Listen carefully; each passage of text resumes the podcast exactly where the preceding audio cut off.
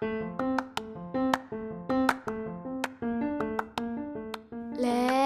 level up. Selamat datang. Kalian telah mendengarkan podcast konselor.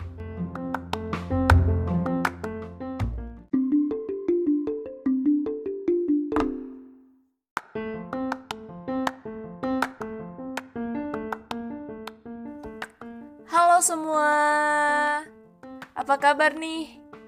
Semoga pendengar setiap podcast konselor tetap sehat dan bahagia. Wah, nggak terasa ya podcast konselor sudah episode 3 nih. Nah, ngomong-ngomong, kalau gitu episode kali ini kita mau bahas mengenai hal yang saya rasa teman-teman juga sedang mengalaminya. Yap, betul sekali. Belajar daring, smart thinking, atau overthinking. Oke, saya Minhat Rahmania yang tidak akan sendiri kali ini ditemani dengan teman saya, Muhammad Fahmi Anugrah. Halo Kak Minhat dan juga halo para pendengar. Kali ini kita akan membahas tentang permasalahan yang sering dialami oleh mahasiswa, siswa maupun semua kalangan yang sedang menghadapi proses belajar atau kerja daring. Semoga podcast kali ini bisa bermanfaat buat para pendengar sekalian ya.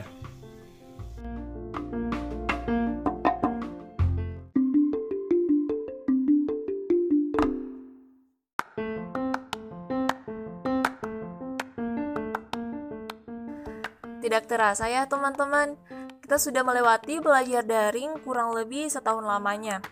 Pasti ada suka dukanya, tentu saja. Kenangan suasana belajar dalam kelas terasa jadi hampa.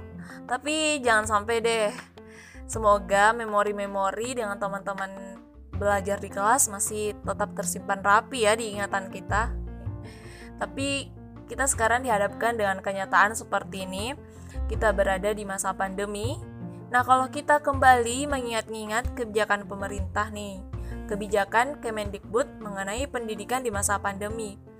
Mengutip artikel dari kompas.com, eh, pandemi COVID-19 telah berdampak di sektor pendidikan.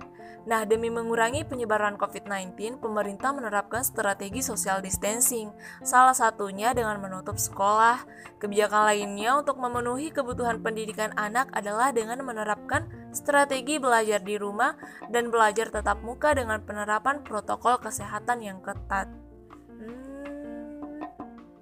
Nah, kita berangkat dari pernyataan ini ya, teman-teman. Pada tahun lalu, pada 24 Maret 2020, Mendikbud kembali mengeluarkan surat edaran yakni SE Mendikbud 4 Garing 2020 tentang pelaksanaan kebijakan pendidikan dalam masa darurat penyebaran COVID-19.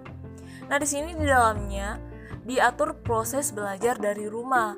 Beberapa ketentuan yang diatur antara lain semangat dasar pembelajaran daring, fokus belajar dari rumah, aktivitas dan tugas pembelajaran selama belajar dari rumah, serta peran guru dalam memberikan umpan balik. Wah, ternyata kegiatan kita sudah diatur dalam surat edaran Mendikbud ya.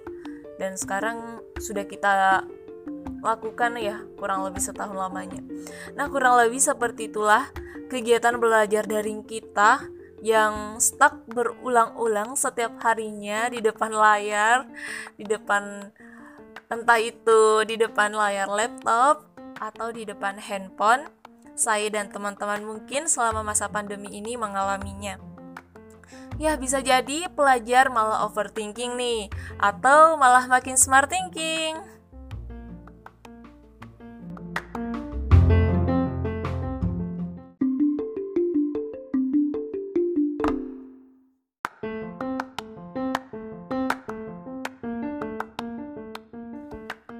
Apa memang iya belajar daring itu membosankan?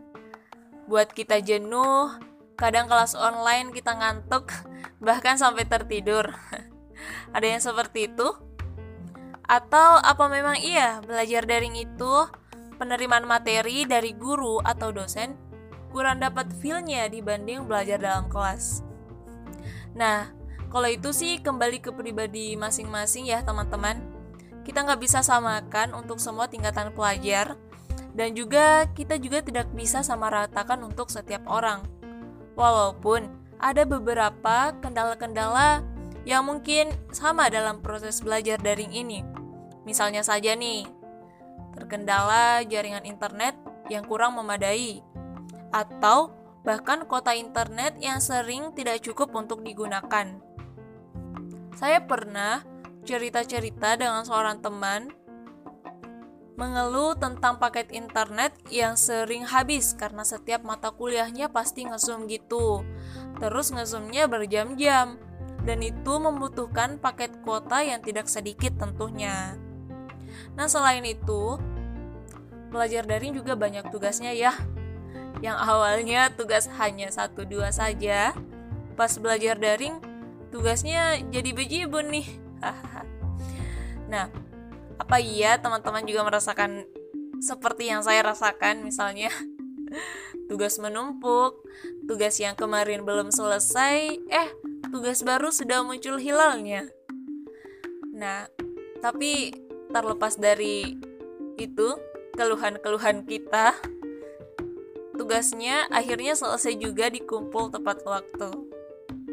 Nah, yang jadi pertanyaan, kok bisa ya? Ya bisa lah bisa dibilang itu suatu pencapaian diri ini. Nah, mengutip dari buku Yang Fana Adalah Waktu oleh sastrawan Indonesia Pak Sapardi Djoko Damono seperti ini bunyinya dan rupanya kita memang ditakdirkan untuk masing-masing mendengarkan diri sendiri sebaik-baiknya agar bisa saling mendengarkan. Nah, silakan teman-teman mendefinisikan sendiri artinya mencari sendiri makna dari kutipan ini. Yang dikatakan sama Kak Minhat ini betul-betul sama yang dirasakan oleh teman-teman pastinya.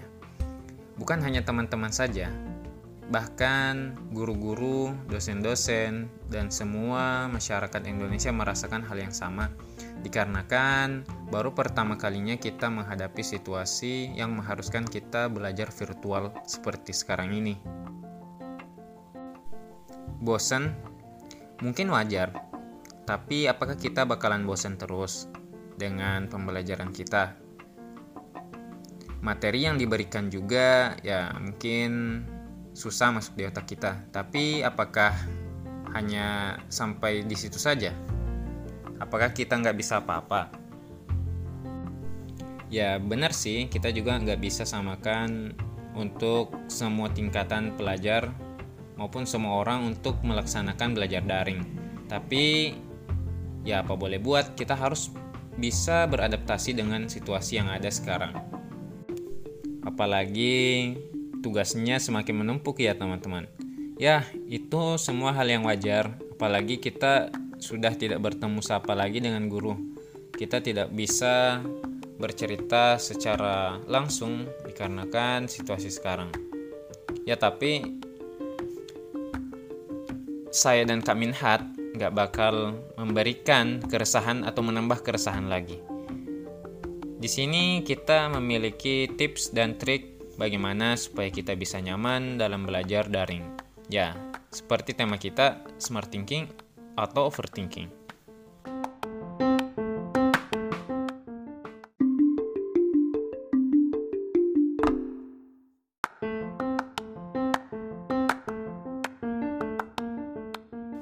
Nah, tips dan triksnya yaitu yang pertama, kita harus bisa mengolah waktu dengan baik.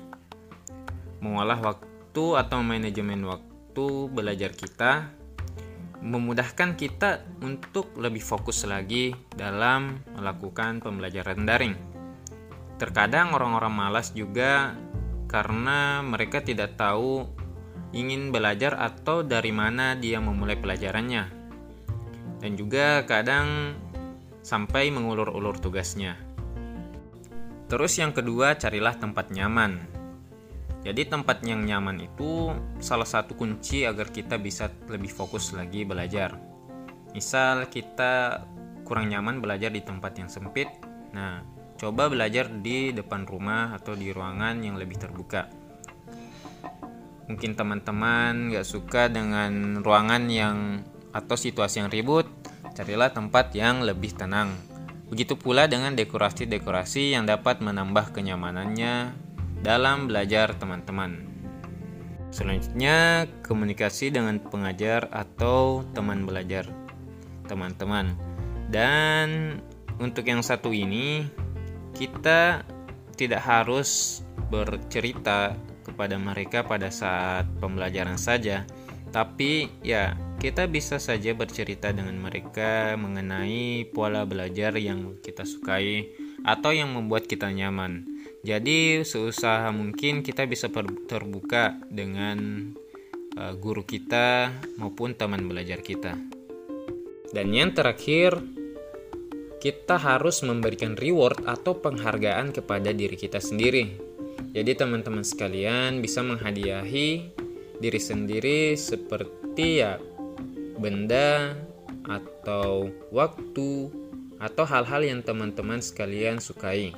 Ya, ini sebagai bentuk penghargaan kepada diri kita sendiri dan agar bisa bersemangat lagi ke depannya dalam proses pembelajaran daring.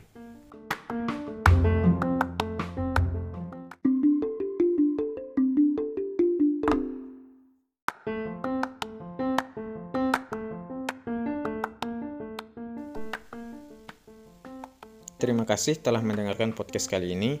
Jika teman-teman membutuhkan telinga untuk mendengar, kami hadir dengan konselor bot. Konselor bot ini merupakan fitur di aplikasi Telegram yang bisa digunakan untuk teman-teman sekalian mendapatkan layanan konseling, konsultasi, dan lain-lain. Jika teman-teman mendengarkan episode kali ini, silahkan di-share ke media sosial teman-teman sekalian. Apabila ingin memberikan quotes atau pendapat-pendapat tentang podcast kali ini, maka teman-teman sekalian bisa tag Instagram kami di puspakons underscore gua. Sampai jumpa pada podcast selanjutnya. Wassalamualaikum warahmatullahi wabarakatuh.